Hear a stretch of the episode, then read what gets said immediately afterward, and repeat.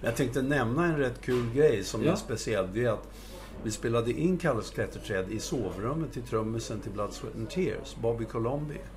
Åh tusan. Ja, han, han Bobby, Bob, vi hade ju spelat med dem något år då när Ja, vi gjorde det här, som ja. jag tror är 73. Ja.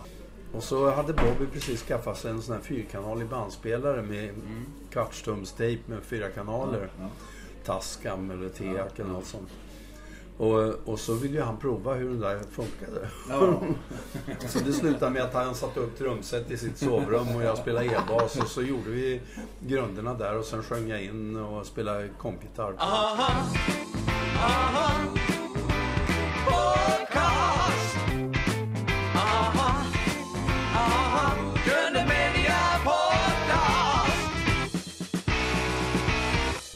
välkomna till Grundmiddag Podcast. Jag heter Jakob Olsson. Och Henrik Ahlström. Och jag heter Erik Jensen. Och eh, idag har vi tagit oss ut på lokal. Vi sitter på ett café här i Göteborg och pratar med en gitarrfantom.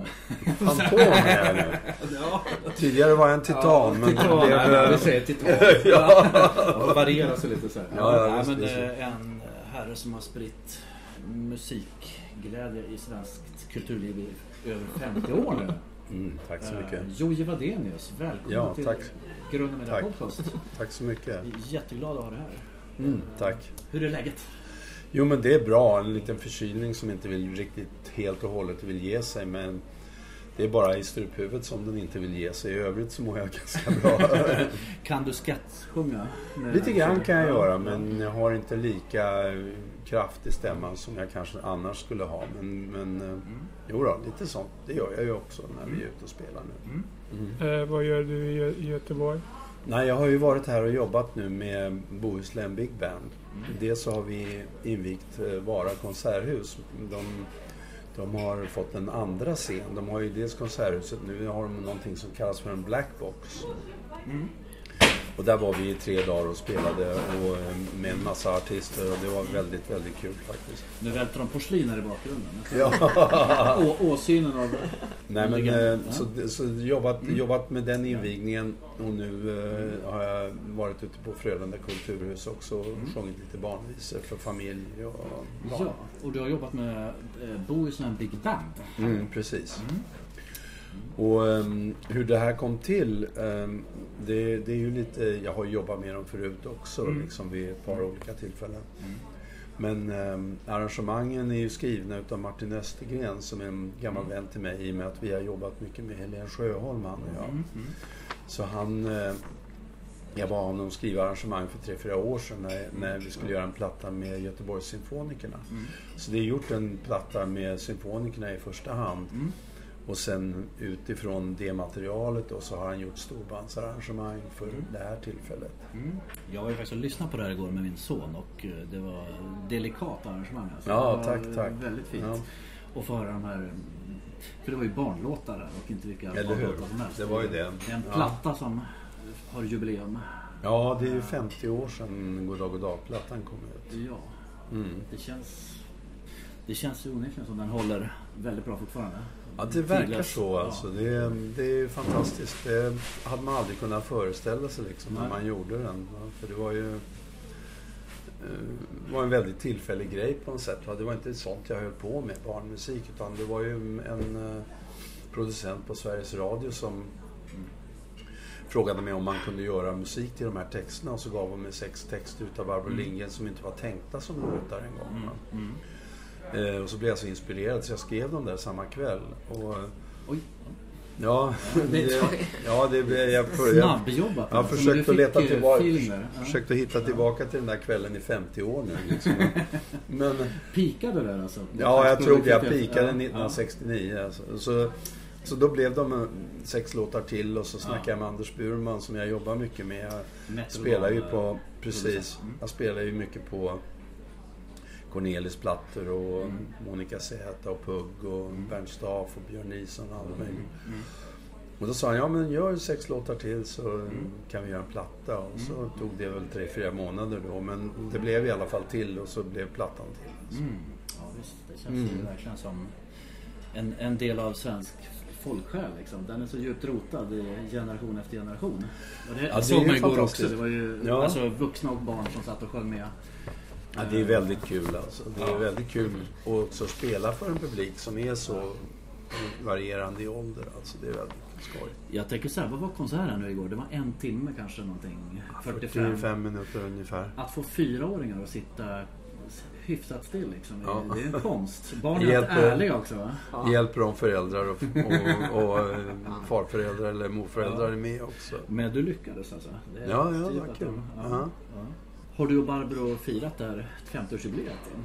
Nej, det har vi inte gjort något speciellt. Alltså, jag är egentligen inte mycket för jubileum sådär. Liksom, men men eh, ehm, det enda 50-årsjubileum jag har firat i år, vi spelade en konsert med Pugg faktiskt. På Ja. Cirkus i Stockholm. Ja, Nu för någon månad sedan eller ett par. Det var kul, ja. Vi kommer att prata mer om Pugg sen. Ja, ja. Det är en favoritplatta också. Så. Ja, vad kul. Ja. Eh, vad gjorde omslaget? Det var Per Olin. Han som gjorde också Karl-Bertil Jonssons eh, julafton. Åh, Hasse och Tages eh, Ja. hustecknare. Ja. Eh, vad tänker jag den här plattan? Men den fick, den fick en uppföljare. Eh, Alltså, jag spelade in en platta till med Barbros texter som heter Puss Puss Sant Sant, mitt på 70-talet. Och, ehm, och sen när jag kom tillbaka till Sverige i början på 90-talet så fanns ju inte Goddag Goddag-plattan att få tag på. Nej, okej. nej. någon- Och då snackade jag med Warner då, som hade gett ut den och hotade med att jag skulle ge ut en ny platta själv med samma låtar igen. Om de inte gav ut den igen på CD liksom. Va? Och då kom vi överens om att kanske man skulle lägga till några av låtarna som var med på den här Puss Puss Sant Sant-plattan. Så då la vi till Ägget. tre lå- Ägget bland annat och Havet och eh, och låt som heter Sa- Sagan om råttan. Och så gjorde vi en nyinspelning på Kalles klätterträd och la till den till plattan också. Så därför är den med på plattan sen dess. Det, Liksom. för det är väl en vanföreställning så att Kalles klätterträd fanns med på plattan från början. Men så var det inte. Utan den Nej. kom ju senare. Och Ja, visst. När vi nu pratar om Per Olin här. Du har ju jobbat med en annan tecknare eh, som är legendarisk. Det är Olof Landström och kompani. Ja, just det. Vi hade ju någonting som heter Poj-produktion. Olof har ju tecknat väldigt många fina barnböcker med massvis med folk. Alltså andra författare och allt möjligt senare.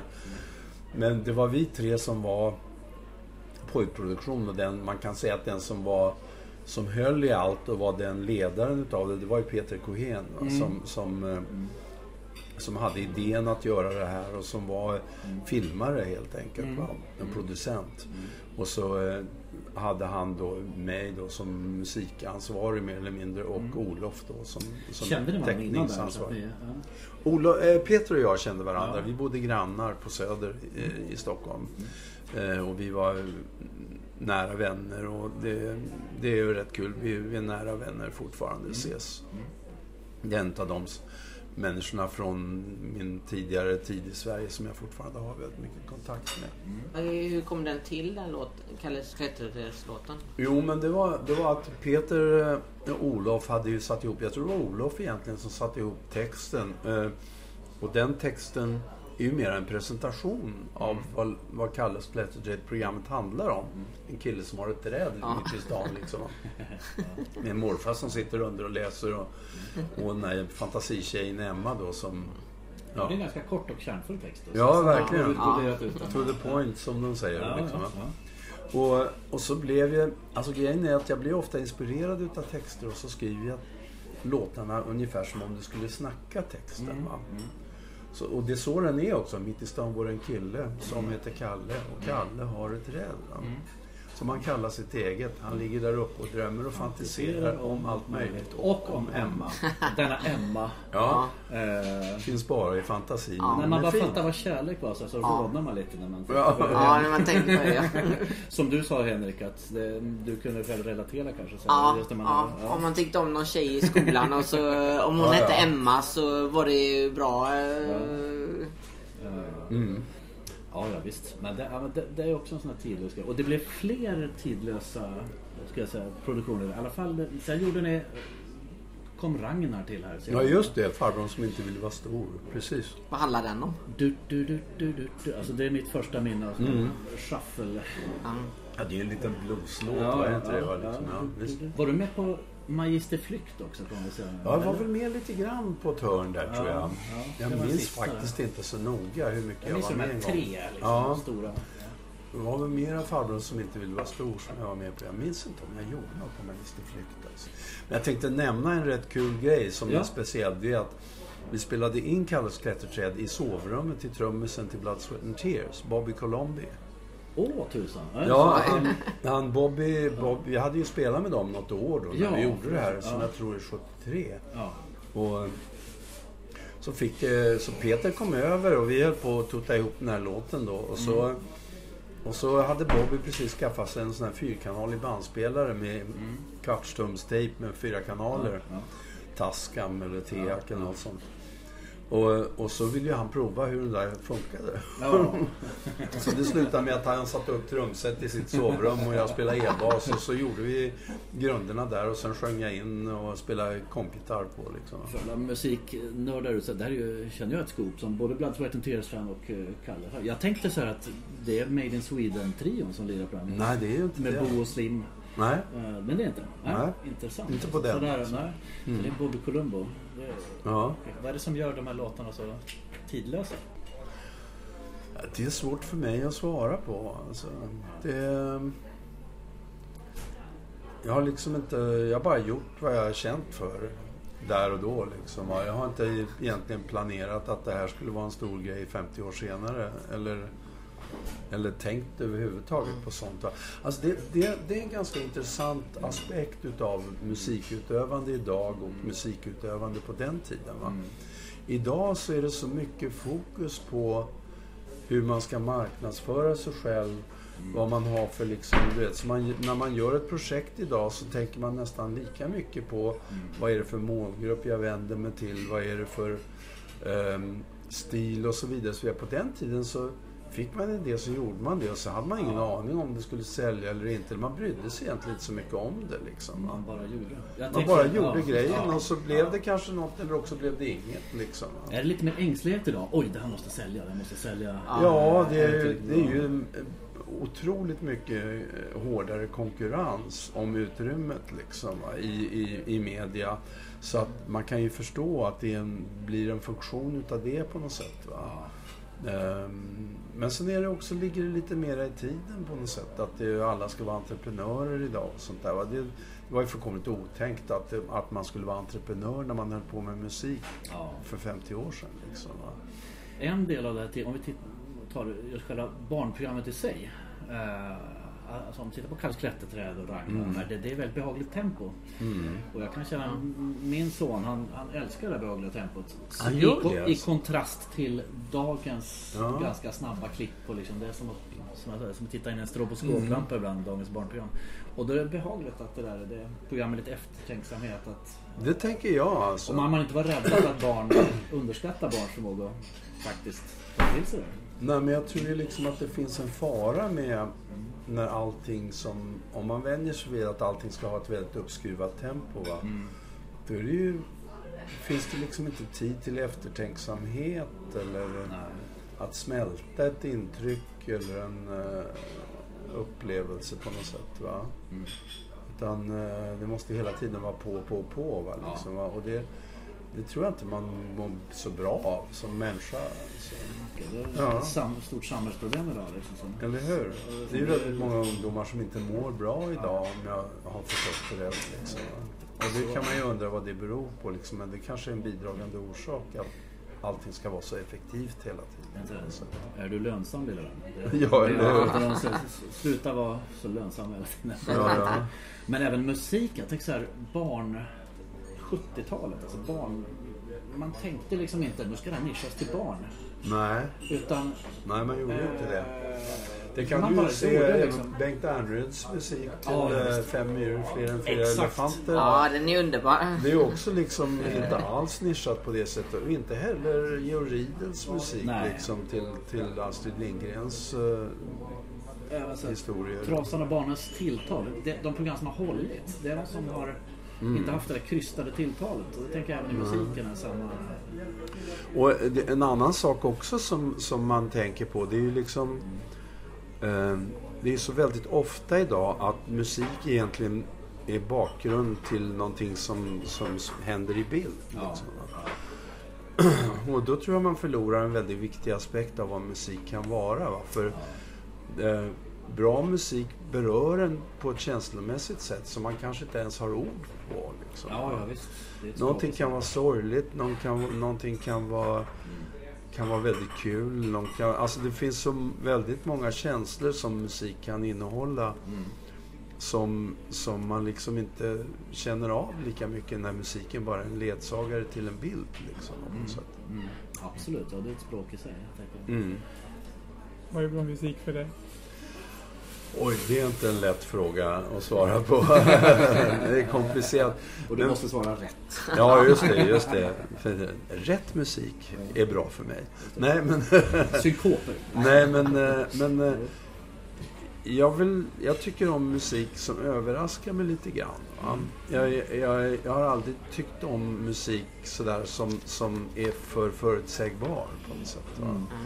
Eh, och jag tycker om musik som, som eh, bygger på ett samspel mellan de som spelar. Så därför så, för mig så känns det lite ofullständigt att lyssna på väldigt mycket av dagens popmusik som är så utarbetad och Mm. är, vad ska vi säga, planerad. Va? Eh, Jag gillar, jag gillar när man jag lyssnar på någonting och så i stundens infall händer att en musiker spelar en grej Mm. och så hör man liksom hur en annan musiker snappar upp det där och svarar på Ja, det och så Ja. börjar det hända mellan, alltså de spelar mellan varandra och påverkar vad de gör. Och det är också musik som ibland ökar lite i tempo, ibland sackar lite i tempo bara för att det funkar liksom så. Musik måste inte vara så statisk som den ofta är i dagens produktioner. Liksom, va? Det blir mer levande och organiskt. Ja. ja. Så, och jag tycker också om musik som har dynamik. Det vill Mm. säga eh, där dynamik också inte handlar om att trummorna är på eller av. Utan att, Mm. eh, att man liksom känner verkligen hur en trumslagare spelar soft och hur han spelar Mm. lite, lite starkare och lite, lite starkare och lite, lite mer intensivt. Och så Mm. bygger någonting lite på tid upp till ett crescendo. Liksom. va. Det, sånt tycker jag är spännande att höra. Liksom, va. Någonstans tänker jag, du har ju ett omisskännligt eget sound. Liksom. Jag tänker, du har stått med en fot i lite olika... Alltså, ibland har det varit rocken, ibland jazzen, Mm. eh, fusion. Mm. Ska jag säga barnmusik, men det tänker inte jag som barnmusik. Du har ju plockat från det där. Eh, Absolut. Liksom Jag har inte alla tänkt- som Nej, gjorde barnmusik då gjorde, alltså kom från jazzhållet. Liksom. Eller hur? Eh, Jag har ju inte tänkt att nu ska jag skriva för barn och få se vad kan de klara av att eh, lyssna på. Utan jag har ju bara skrivit låtar som jag tyckte var kul att lira. På sätt och vis kan man säga att jag har varit mer fri med barnlåtarna än vad jag var när jag försökte skriva fusionlåtar. Va? För då, då ville man ju verkligen hitta no då, då letar man nästan för mycket efter någonting som var lite unikt harmoniskt eller unikt groovemässigt eller på något sätt som ingen hade gjort förut då på något sätt. Så Lite så här hjärta koppla hjärna, alltså hjärta kontra hjärna. Mm. Mm. Så här, så här, vänster hjärnhalva, det Ja, är liksom det precis. tekniska. Och tar den över för mycket då tappar man liksom... Eller hur? det är viktigt att inte förlora. Ja, det finns ju liksom ett, en gammal eh, fördom där att, att studiomusiker är okänsliga typer som liksom bara läser noter och sådär. Men, men, eh, men det, är ju, det är ju oftast folk som inte själva spelar som har dem, den tron på något Ja. sätt. Va? Men eh, det är ju en kombination alltså. När någonting blir riktigt bra så har det båda liksom. Va? Du har ju sett den världen från insidan. Ja, verkligen, verkligen. Aha, aha, podcast. Aha, Podcast. Om vi backar lite där då. På barnplattan lirar du med två herrar. Slim Ja, det är Slim Borgud och Bosse Häggström. Ja. Eh, och där, det var första upplagan av Made in Sweden. Ja, Och Det precis. har förekommit i flera uppsättningar. Ja, det fanns ett par uppsättningar. Först gjorde jag, att vi kallar den andra Made in Sweden tror jag mer var skivbolagets idé än Ja. Vår egen. För det var i stort sett jag och Körberg och så var det en polack och två finländare. Liksom. Men, Ja. men ah, vår, vår huvudtillhåll var i Stockholm. i alla Ja. fall. så man kan säga på så sätt så var det gjort i Sverige. Liksom. va. Vi, eh, vi har ju en legendarisk basist där, Pekka. Pekka Pohjola. Ja. Ja, ja, Jag visst. måste fråga, stämmer det att han dissade Zappa? Ja, det Det stämmer. här måste vi höra. Ja. Jag hörde inte det direkt och jag tror, jag tror Pekka i efterhand säkert mådde ganska dåligt Ja, över den grejen. ja, ja. Det, var, det var ju en missad möjlighet för honom i och med att han eh, impulsivt kanske eh, sa en dum grej liksom sådär va. Så att jag tror inte han var så jättestolt över det. Han har aldrig snackat om det själv. Nej, utan nej. det är nog andra som har snackat om det liksom. Jag såg någon dokumentär där Körberg berättade om det här på ett Ja. mer humoristiskt vis kanske. Ja, ja, kanske visst. det lite där eller? Men visst, ja. jo men det är ju en bra story alltså. Ja, ja. Naturligtvis är det Men han skulle Ja. ha lagt på luren och sagt because it's shit. Thomas bullshit. Too, too much bullshit. Thomas bullshit, ja. Ja. Zappa fick Ja. också där. Ja, nej men... Det är synd. Det hade varit kul om eh, Pekka hade fått den möjligheten. Alltså, Just det- det, han är borta länge. Men det var, det var också lite, jag tror det, sånt där är, jag har gjort liknande grejer själv. Va, liksom, va, så att, eh, eh, rädsla liksom. Va. Jag, tror, jag tror det är i grunden för en sån reaktion ligger en otrolig rädsla att man inte räcker till. Att man ska bli avslöjad för att man inte alls är så bra som Klassisk, folk tror, sig, eh, tror att man är. Liksom, Ja, klassiskt dilemma tror jag. Ja. Oavsett om du är musiker eller skådespelare. Så Verkligen, alltså. byxorna. Verkligen. Och, och också intressant ur den synpunkten sett var att både Pekka Pohjola och Vesa Altonen som eh, var en fantastisk trumslagare, är fortfarande och eh, som jag bara träffade för något år sedan i Finland också. Så det var väldigt fint, alltså väldigt fin man alltså. Mm. Men de trivdes inte att vara utanför Finland. Alltså. Ah, Okej, de ville hänga där. Och, och, och Vessa klarade det ganska bra sådär men Pekka, för honom så betydde det, han hade ju ett alkoholproblem. Det. Så han började dricka alldeles för mycket Ja, alltså, när, när han var utanför Finland. Mm. Och så pass till den milda grad att, det gick, att han kunde inte stå på Det scenen ibland när vi skulle ha gig och sådär. Ja. Oj. Så det var inte lyckat alltså. Nej, jag förstår det. Om jag tittar på, har du kontakt med Slim fortfarande? Nej, det har jag inte. Ja. För han blev ju racerförare. Han blev Det här är racerförare rätt coolt, för han var en briljant trummis. och, Det och Europamästare i truck racing. Alltså, han körde såna här lastbilshytter i 200 knyck eller 300 knyck. Jösses, ja. Helt om två otroligt. parallella karriärer. Men Ja, jag ja, ja. det lite... Ja, Ja, men han hade det där. Han var, han var ju en grymt jävla bra bil, bilförare alltså. ja. Var det så redan han- när ni lirade? Att han, Ja, ja, han tränade. Körde han turnébussen Ja, han, tränade, fart? han tränade med vår turnébuss alltså. Ni hann ta många gig då sådär för att kunna Men alltså det, var, snabbt? det var sjukt hur jävla fort han körde ibland. Alltså. Oj. Det var verkligen inte... Ja. Han- Alltså hade, hade någon annan gjort ett misstag så hade vi varit historia. Alltså. Apropå fina trummisar. Ja. Eh, hur var Janne Loffe Karlsson som trummis? Han var ju unik som trummis. Va? Det var ju, han spelade ju redan på den tiden på ett sätt som sen blev väldigt modernt. Va? Det vill säga jazztrummis som försöker spela rock'n'roll. En Mitch Mitchell. Ja, Mitch. Mitchell var verkligen samma typ av trummis. Ja. Och, och Slim var verkligen den typen av Ja, trummis också. Fast han var kanske mera... Eh, vad ska vi säga? Eh, hade mera fötterna i rock Ja. och bluesavdelningen än vad Loffe hade. Va? Loffe var ju verkligen jazztrummis. Och så, så det är ju rätt kul att några av de här introna och grejerna som är på puggplattan har ju blivit Ja. samplade av en massa rappare och allt Ja, möjligt sen. det, ja. Och använts som grunden till deras inspelningar. Liksom? Ja, just det. För, ni träff, det för, var det det första Mm. ni gjorde ihop det? det var, Jag kände ju Loffe lite grann bara för att eh, han spelade med Lasse Werner då va. Och eh, Hansson och Karlsson. Hansson och Karlsson och de hade vi inte så mycket att göra med. För vi, även om vi kände varandra lite lätt så här, men vi jobbade liksom i två olika cirklar. Va? Vi jobbade ju på Gyllene Cirkeln som var mera som ett rockställe och, och de jobbade på ett ställe som heter Philips som var mycket flummigare ställe men det kanske lite mer droginriktat än vad cirkeln var. Liksom. Alltså Made in Sweden Många trodde ju att vi tände på och gjorde allt möjligt, men vi var ju total, vi gjorde ingenting. Alltså, vi drack knappt öl. Alltså, du vet. Vi var ju liksom så straighta så det var nästan beklämmande. Liksom, och, eh, men så var det. Det var bara musiken det handlade om för oss. Men eh, Loffe, nej vi träffades, vi blev sammanförda utav Anders Burman. Han kom på idén att vi skulle eh, göra den här plattan ihop, vi tre. Alltså. Och det här är alltså då eh, Pugh Rogefeldts debutplatta från Mm. 69. Ja. Ja. det är det. Ja, det är Som det. också då fil- firar 50 år i år. Ja, precis. Eh, som också är så här tidlöst bra tycker jag. Ja, det är en speciell platta, det är det alltså. Och det är en kombon mellan, alltså, jag ska säga utan er. Alltså ni gjorde ju Pugg lite mer funky. Ska jag säga. Men Det svänger Ja. gott där alltså. Så det är den som... Ja, bra visst. kombo. Ja, det, det bara blev... Eh, det var en lyckträff alltså. Ja.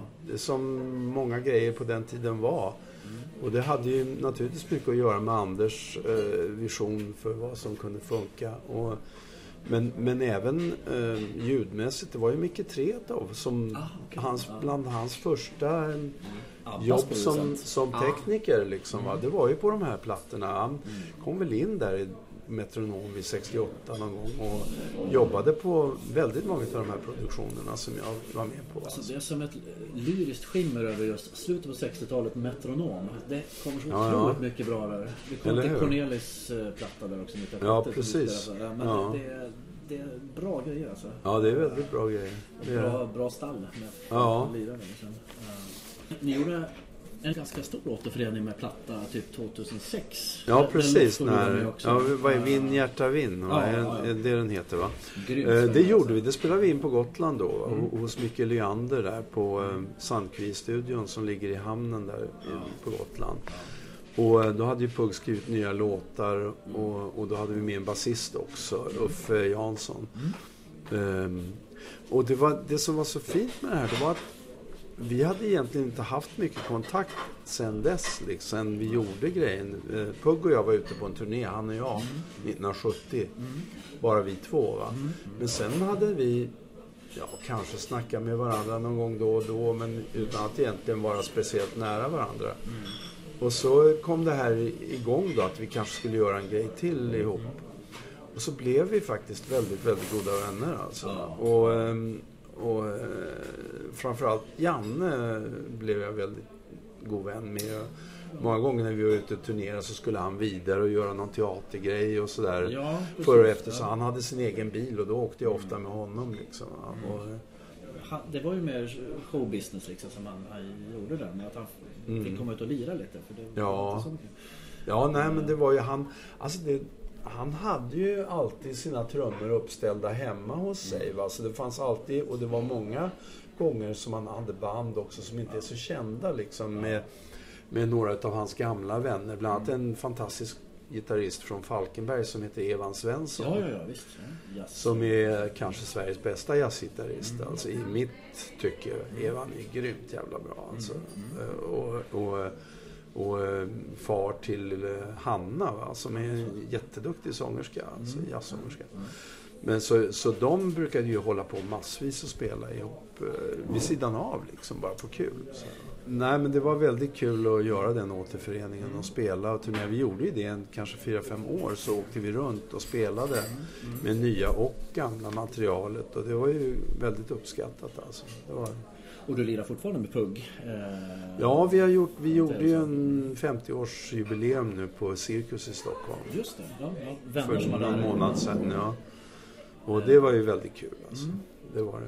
Hur känns det att lira så här 50 år efteråt? De här låtarna jämfört med Det 60 är lite speciellt nu. Det, alltså det blir ju liksom, man, man fattar det inte själv men då satte de ihop ett band med, vad ska vi säga, gräddan utav dagens svenska musiker som spelar med Winnerbäck och med, med alla möjliga, du vet, artister annars. Va? Det är en gitarrist som heter Ola Gustafsson och, och eh, vad heter han, Jerker Rodelholm är basisten. Va? Och, och Andreas Dahlbäck som då är son till kapten Dahlbäck, också trummis. Liksom. okej, och kapten spelar ju också med, med Pugg då, men det, då går vi tillbaka till 70, slutet på 70-talet. Liksom, va?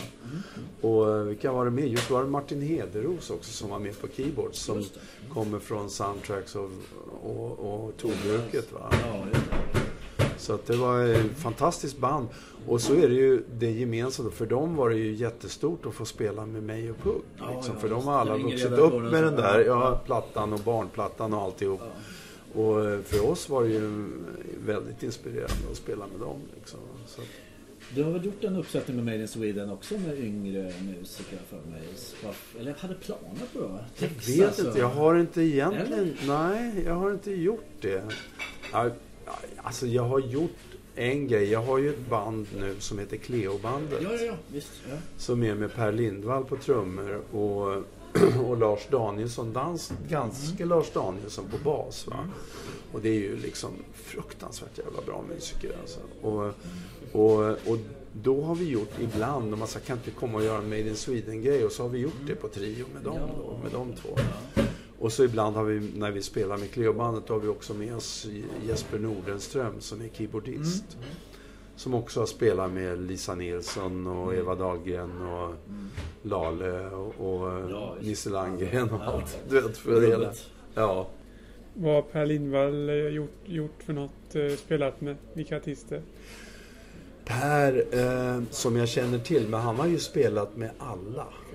Alltså i stort sett alla. Va? När han, Som han, 16-åring spelar han väl med? På... med ABBA, var det så ABBA. tidigt? Var han bara 16? Ja, här, på deras sista skiva. Nu ljuger jag kanske lite. 18. Men han var under 20. Ja, 18 Ja. kanske. 18, så här, men han, Sista plattan kom. han var ju liksom... Han, han, när, när Per kom in på scenen, Ja. alltså blev med, va, så var det precis som att alla hoppade över två meter och sen när Per kom så hopp, måste man hoppa över 2,40 liksom, ja. för att få vara med. Liksom, va. Alltså det var ju helt otroligt. Han var så otroligt bra. Liksom. Han är väl mister med alltså BPM har jag förstått. Så här, per, sänk tempo 2. Ja, ja, ja, Så ja. fixar han så här, nej det är metronomen som går fel. Per. Ja, jo, men det har, faktiskt, det har faktiskt hänt någon Stämmer det gång liksom? att, Ja. att, att metronomen faktiskt inte gick helt rätt och han hörde det liksom. men men, eh, nej, men det, det stämmer rätt väl att han är eh, han, han fantastisk time alltså. Mm. Men det är inte bara det, det svänger ju otroligt Ja, ja, också när han spelar. Så att, eh, Även i, idag, och ändå idag, finns det väldigt, väldigt många trumslagare som naturligtvis har vuxit upp med honom och haft honom som förebild. Som är jätte, jättebra. Men du vet, det är lite som...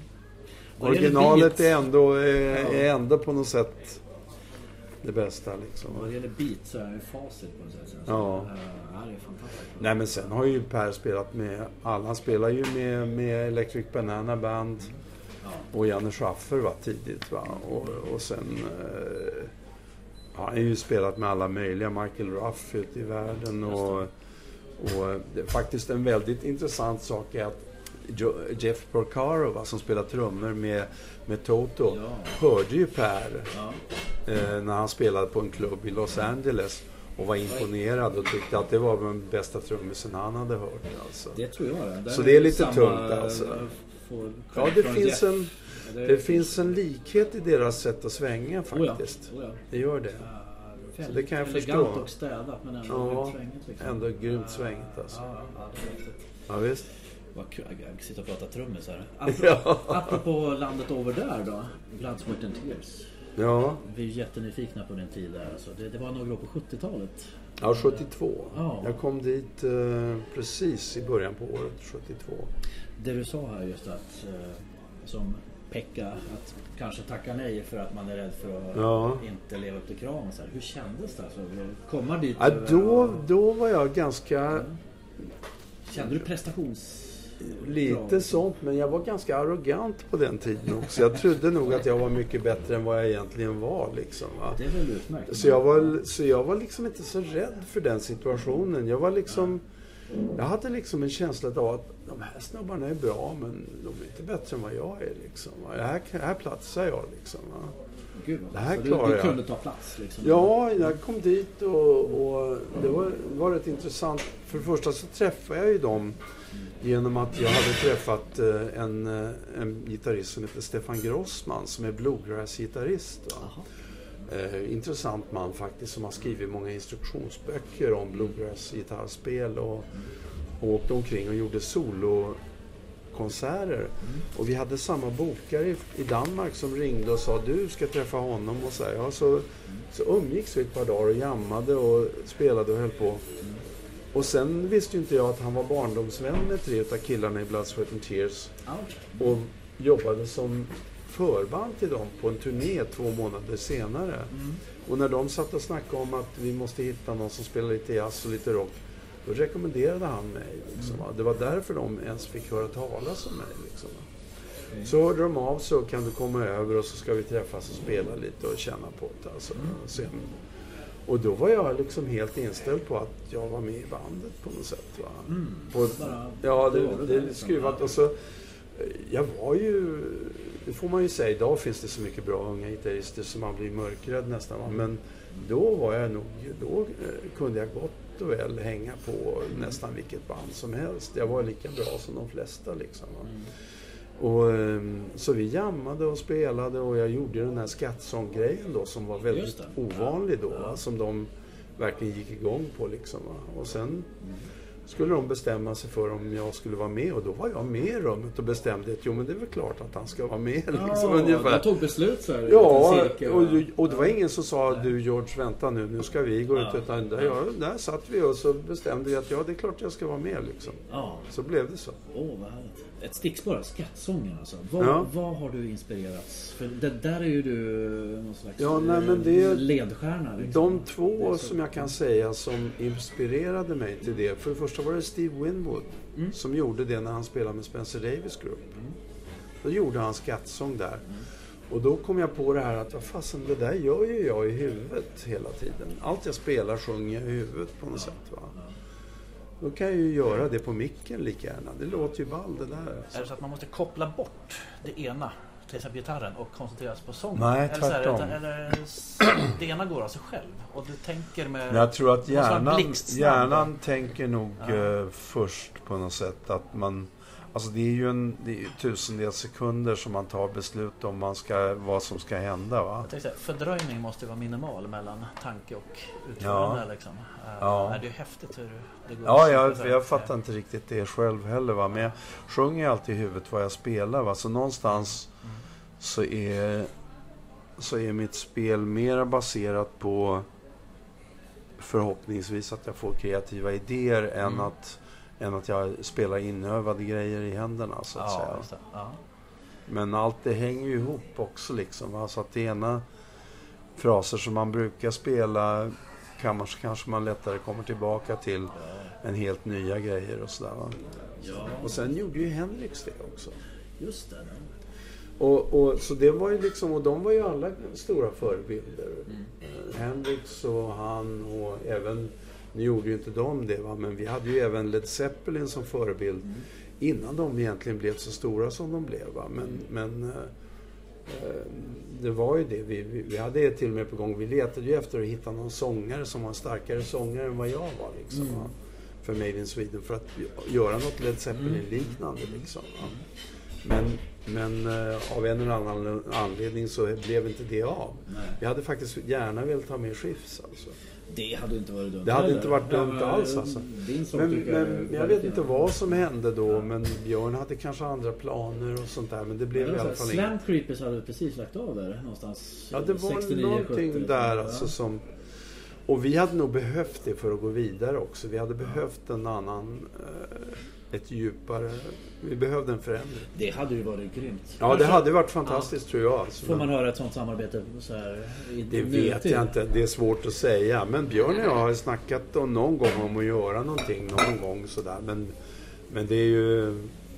Ibland så vill man mer än vad man har tid till. Och, Björn är otroligt ja, rolig skådis. ja, Ja, han det är ju också, det. Är Ja, också ja. Han, är ju, han är ju till och med sådär så att folk som Bill Champlin och andra Mm. ser honom som en väldigt bra sångare. Liksom, även i den kategorin. Där. alltså. Gud ja. Vi skulle Träffar vilja- du Björn så säger du, vi har, jag har Ja. intresse av en jäkligt bra podcast. Vi har försökt Ja. Björn. Vi vill så himla gärna intervjua Ja, ja, jag Ja, ja, gärna ja. intervjua Björn. Aha, aha,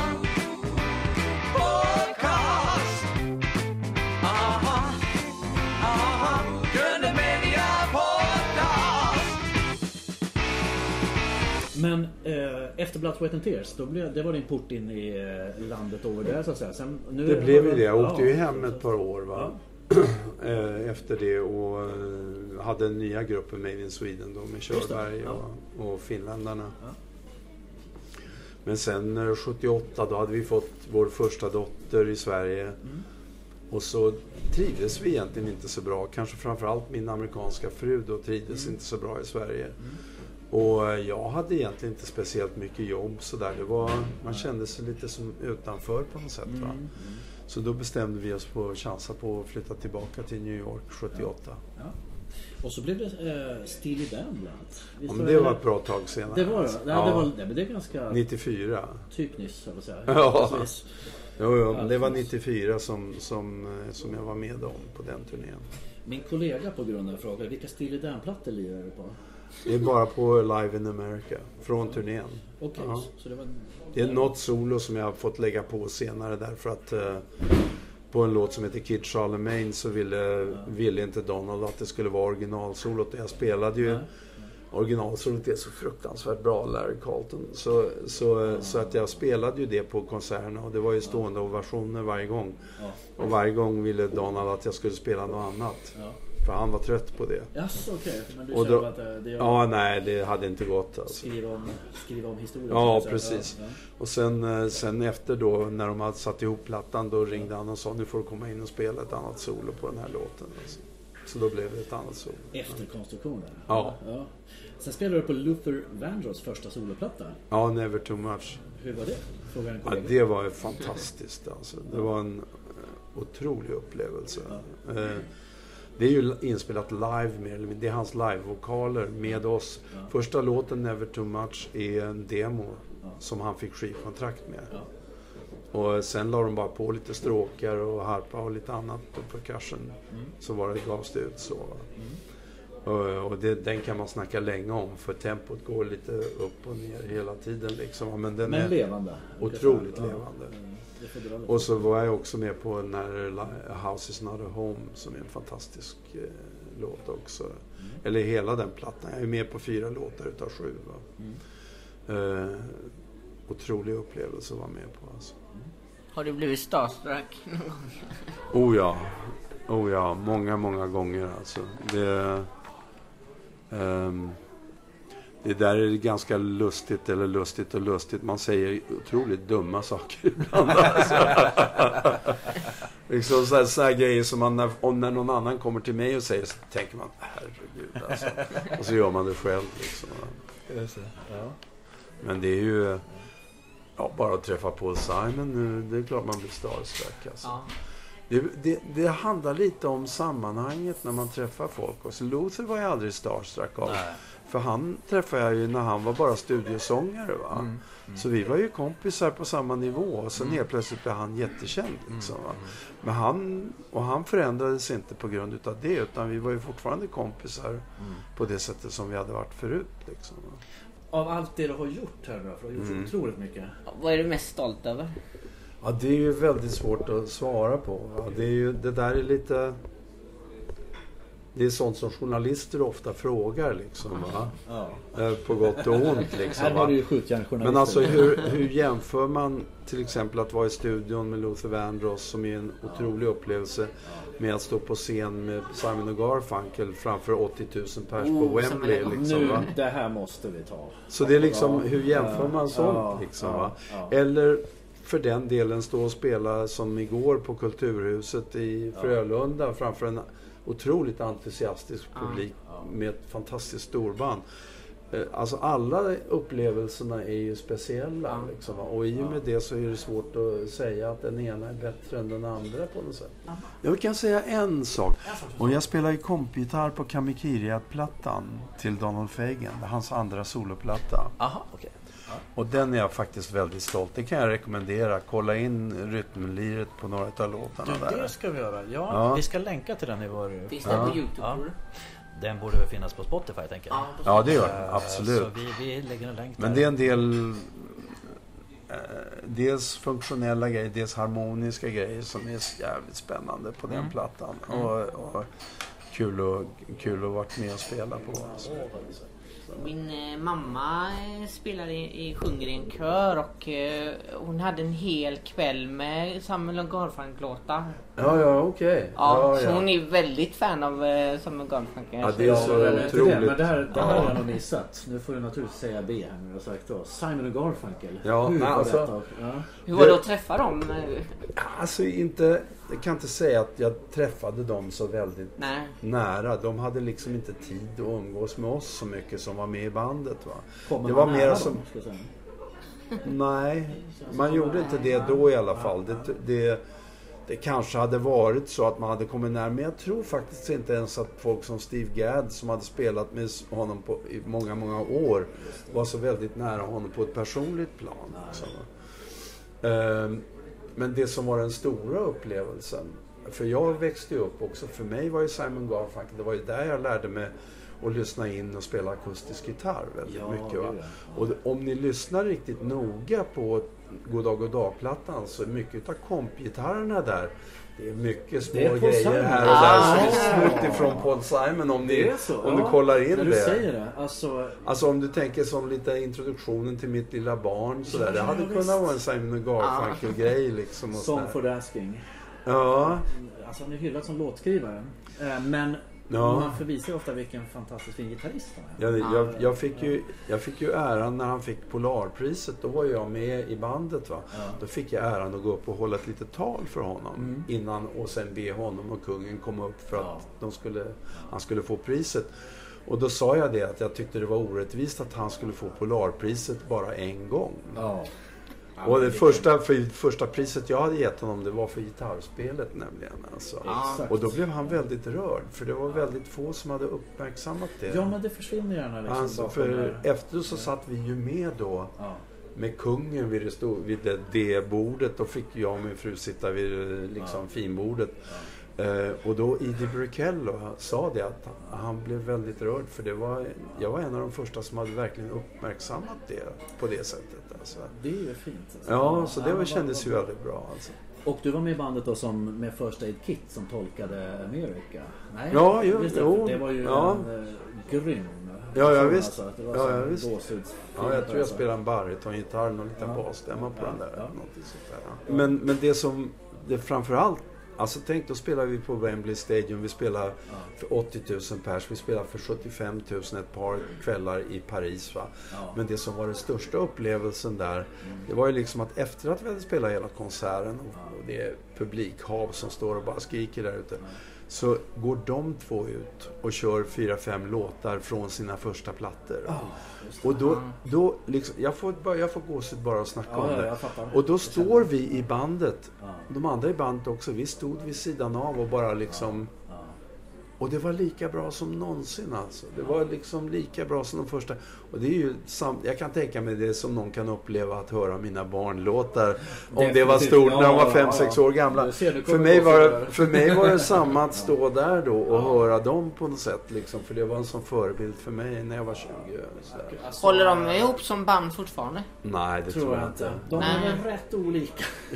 Men de är vänner eh, eller träffas Inte de? helt säkert alltså. Nej, Art, jag vet inte det med Art. Jag vet han har röstproblem så här, men... Ja, men han hade ju... Han har lite noja också. Han har rökt lite för mycket gräs genom Ja, åren. det är alltså. så. han, Ja, ja, ja. faktiskt alltså. Så han har liksom varit ganska sån här... Hållit sig för sig själv och lite... Jag tänker så här, apropå prestation. Alltså det är ju Mm. popvärldens vackraste tenor. Ja, ja visst. Ja. visst. Stämma. Eh, ska jag tillägga. Ja, ja.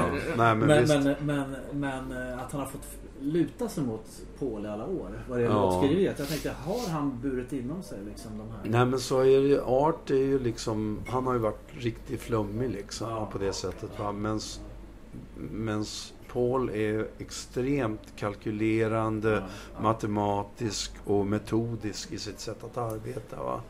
Alltså när vi skulle repa in showen, ibland kunde han ha oss repetera fyra takter i tre timmar. Liksom. Ja. Bara för att han ville ha en viss blåsfras. Och så provade han olika hela tiden ända tills han hörde det han ville höra, som var rätt. Liksom. Kollar. Och, och då, då insåg jag också någonting att de här låtarna som låter så intuitiva och så fina, men han har ju jobbat liksom häcken av sig för Ja. att få, få dem att just ha den nyansen som de har. Liksom. Ja. Så det, samtidigt som jag har en beundran för det så hade jag aldrig någonsin klarat av att hålla på på det sättet. Alltså, nej, men, nej, nej, visst. Han gör ju fortfarande bra Ja. plattor liksom. Och är Ja, visst. pigg känns ja. Det Nej men han är fin. Måste bara fråga, när var, var det efter Live i New York City-tiden där? 80, 80-talet? Det var 82. ja. 82, Året ja. efter, eh, efter den där konserten i Central Park. Alltså. Ja, häftigt. Ja, det där är ju husgudar alltså. Vad lyssnar du på för musik hemma då? När du är ledig? Jag lyssnar nästan inte på musik alltså. Jag, jag, eh, det är mer att jag eh, tycker om när det är tyst. För jag håller på så mycket med musik. Eh, och lyssnar jag på musik så är det oftast i...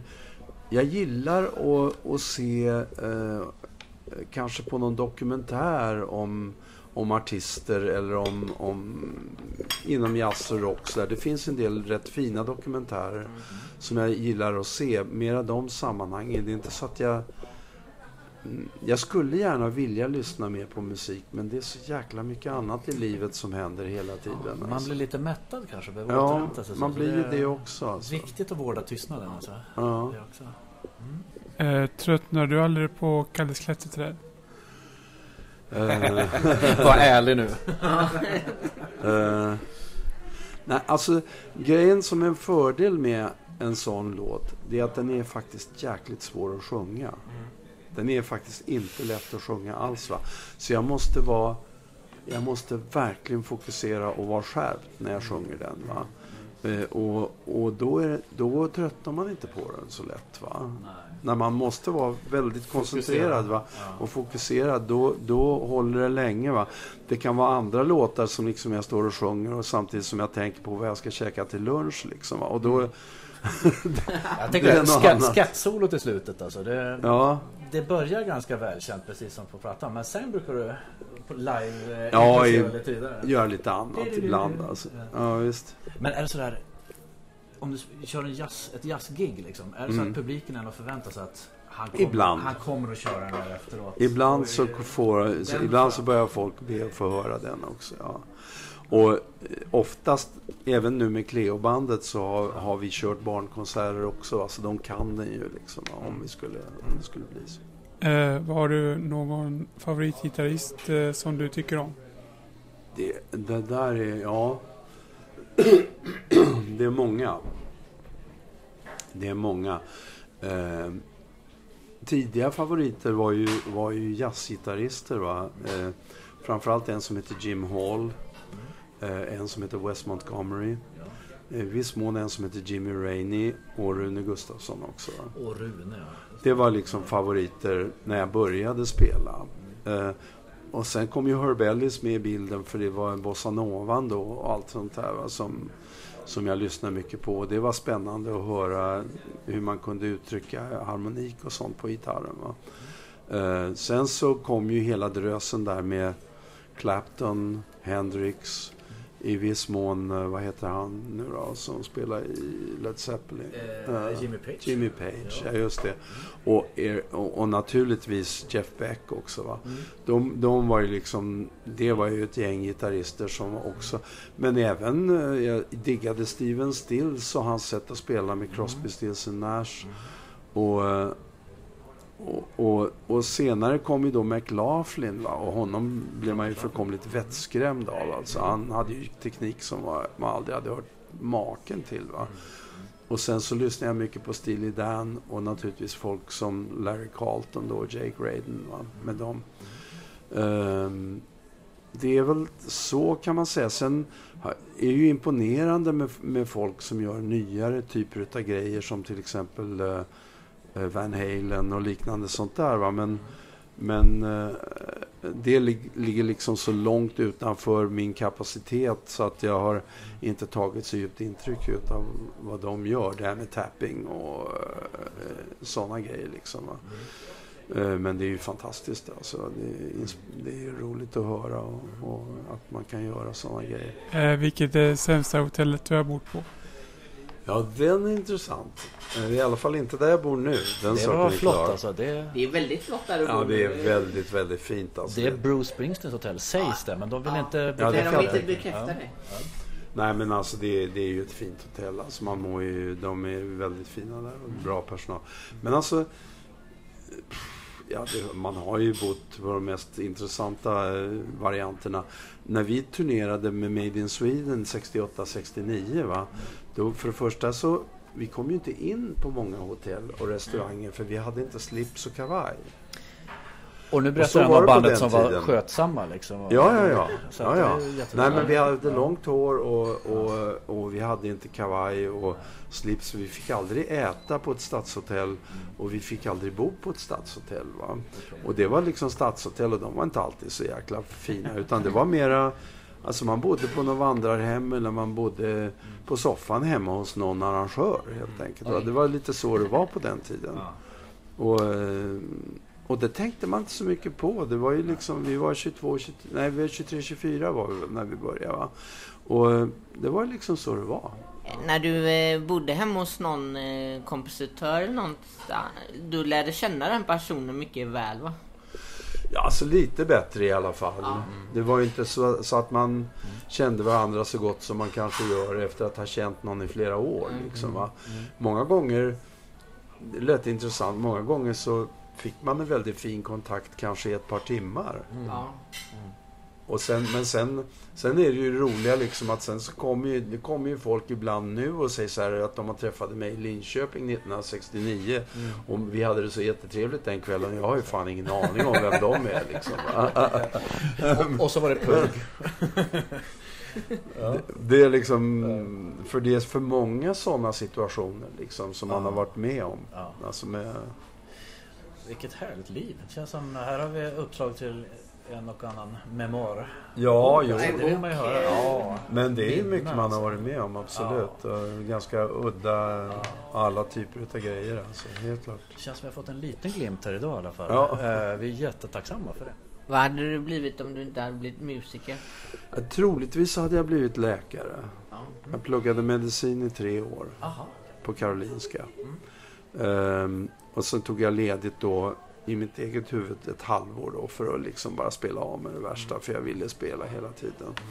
Och sen gick det väl ett, ja, det gick ett halvår så hade vi bildat Made in Sweden. Va? Och sen så jobbade vi hela tiden. Och efter ytterligare ett år så, hade, så var jag ju mitt inne i svängen med Anders Burmans alla produktioner och allting. Så att det, det, det blev liksom aldrig aktuellt att gå tillbaka till att plugga medicin. Eh, vad händer med i höst? Nu är det ju inte så mycket kvar utav hösten va? så att eh, vi, vi har varit ute och spelat med Cleo-bandet ett par veckor för inte så länge sedan i oktober. Och eh, sen ska jag göra en eh, eh vecka i Stockholms eh, skolor med ett relativt nytt projekt med barnlåtar som heter Livet är nu. Mm med texter utav Lotta Olsson. Det är mera existentiella texter. Som, eh, det är många låtar där som jag är väldigt stolt över faktiskt. Det är väldigt mycket, mycket fina låtar. Poet. eh, Ja, precis. Eh, Men det är väl det som händer nu. Och sen ska vi tror jag göra flera konserter. Men det blir till våren. Vi flera konserter med Pugg. Åh, är okej. planerat. Jag tror vi kommer till Göteborg också Det faktiskt. I början på maj. Absolut. Mm. Har du något drömprojekt kvar? Någon som du ska samarbeta med? Nej, egentligen inte. Du har ju samarbetat med alla känns det som. Det är så här. Nej, men det, Björn- man tänker inte riktigt så liksom. Inte i den här åldern i alla fall. Kanske man gör när man är yngre liksom. Va? Men eh, det här är ju en bransch där möjligheterna kommer och går liksom. Va?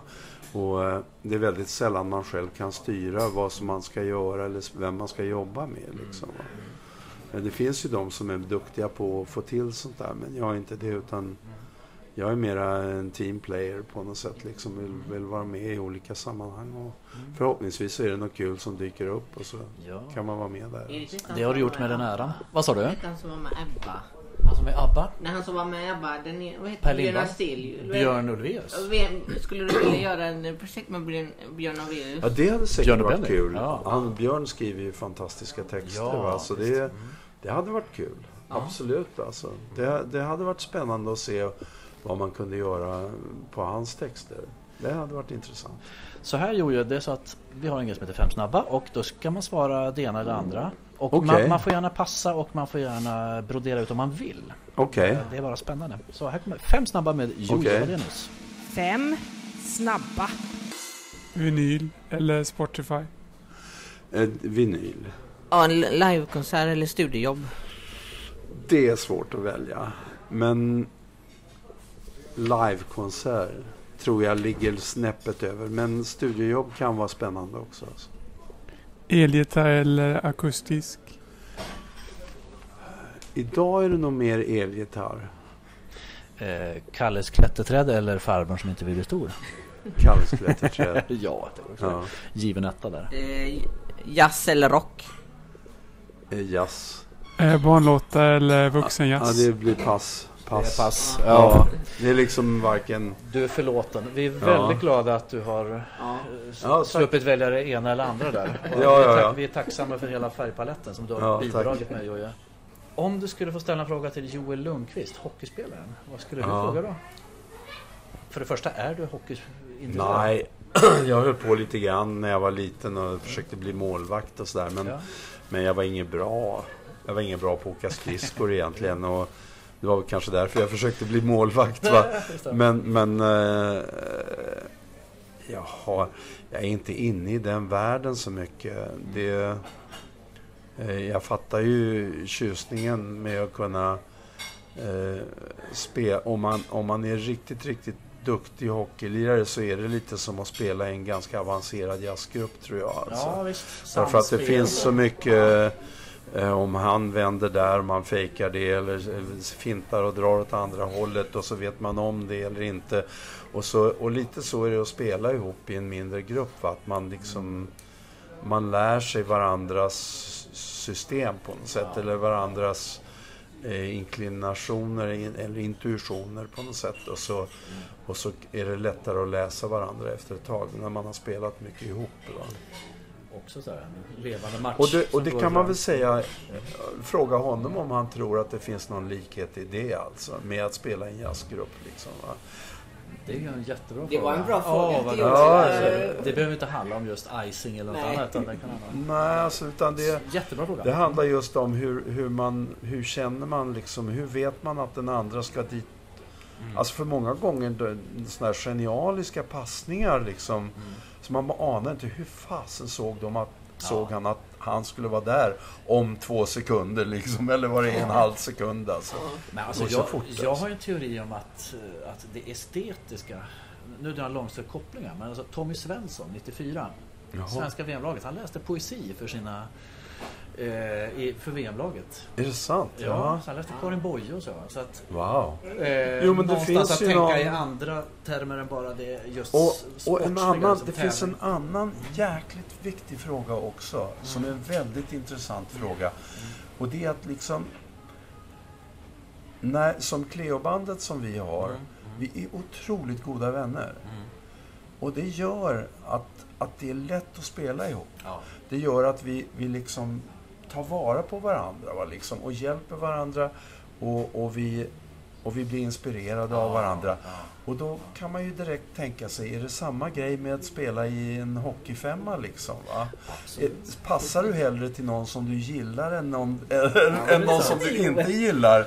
Eller spelar du överhuvudtaget med folk som du inte gillar och hur funkar det alltså? Eller titta på lag som handlar mer om någon solist och några där solisten upphöjs och det grövsta liksom. Ja, det blir hur? ingen bra sämja i kompet. Nej, säga. Då nej, blir det splittring. Liksom. det, det finns ju Ja, väldigt ja. många intressanta eh, Definitivt. analogier alltså, det gör ja, det. Ja, men visst är det så. Det är en jättebra fråga. Ja, visst, eller hur? Eh. Du ställer den till Joel.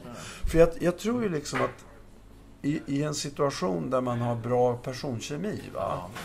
då får man det bästa utav alla medverkande.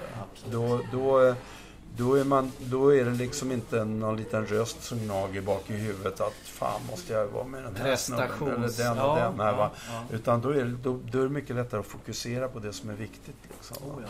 Fina tankar. Det, här, eh, det känns som det är där vi ska avrunda. Ja, men vad bra. Eh, Det känns Okej. som upplagt för en cliffhanger till. Ja, ja, ja just det. Ja, kul. Tusen Ja, tack. Jojje eh, för att vi fick intervjua dig. Och Ja. lycka till med hösten och konserter Tack. och eh, vidare projekt. Så, Ja, tack så tack. mycket. för- Tack ska ni ha. Aha, aha. Oh,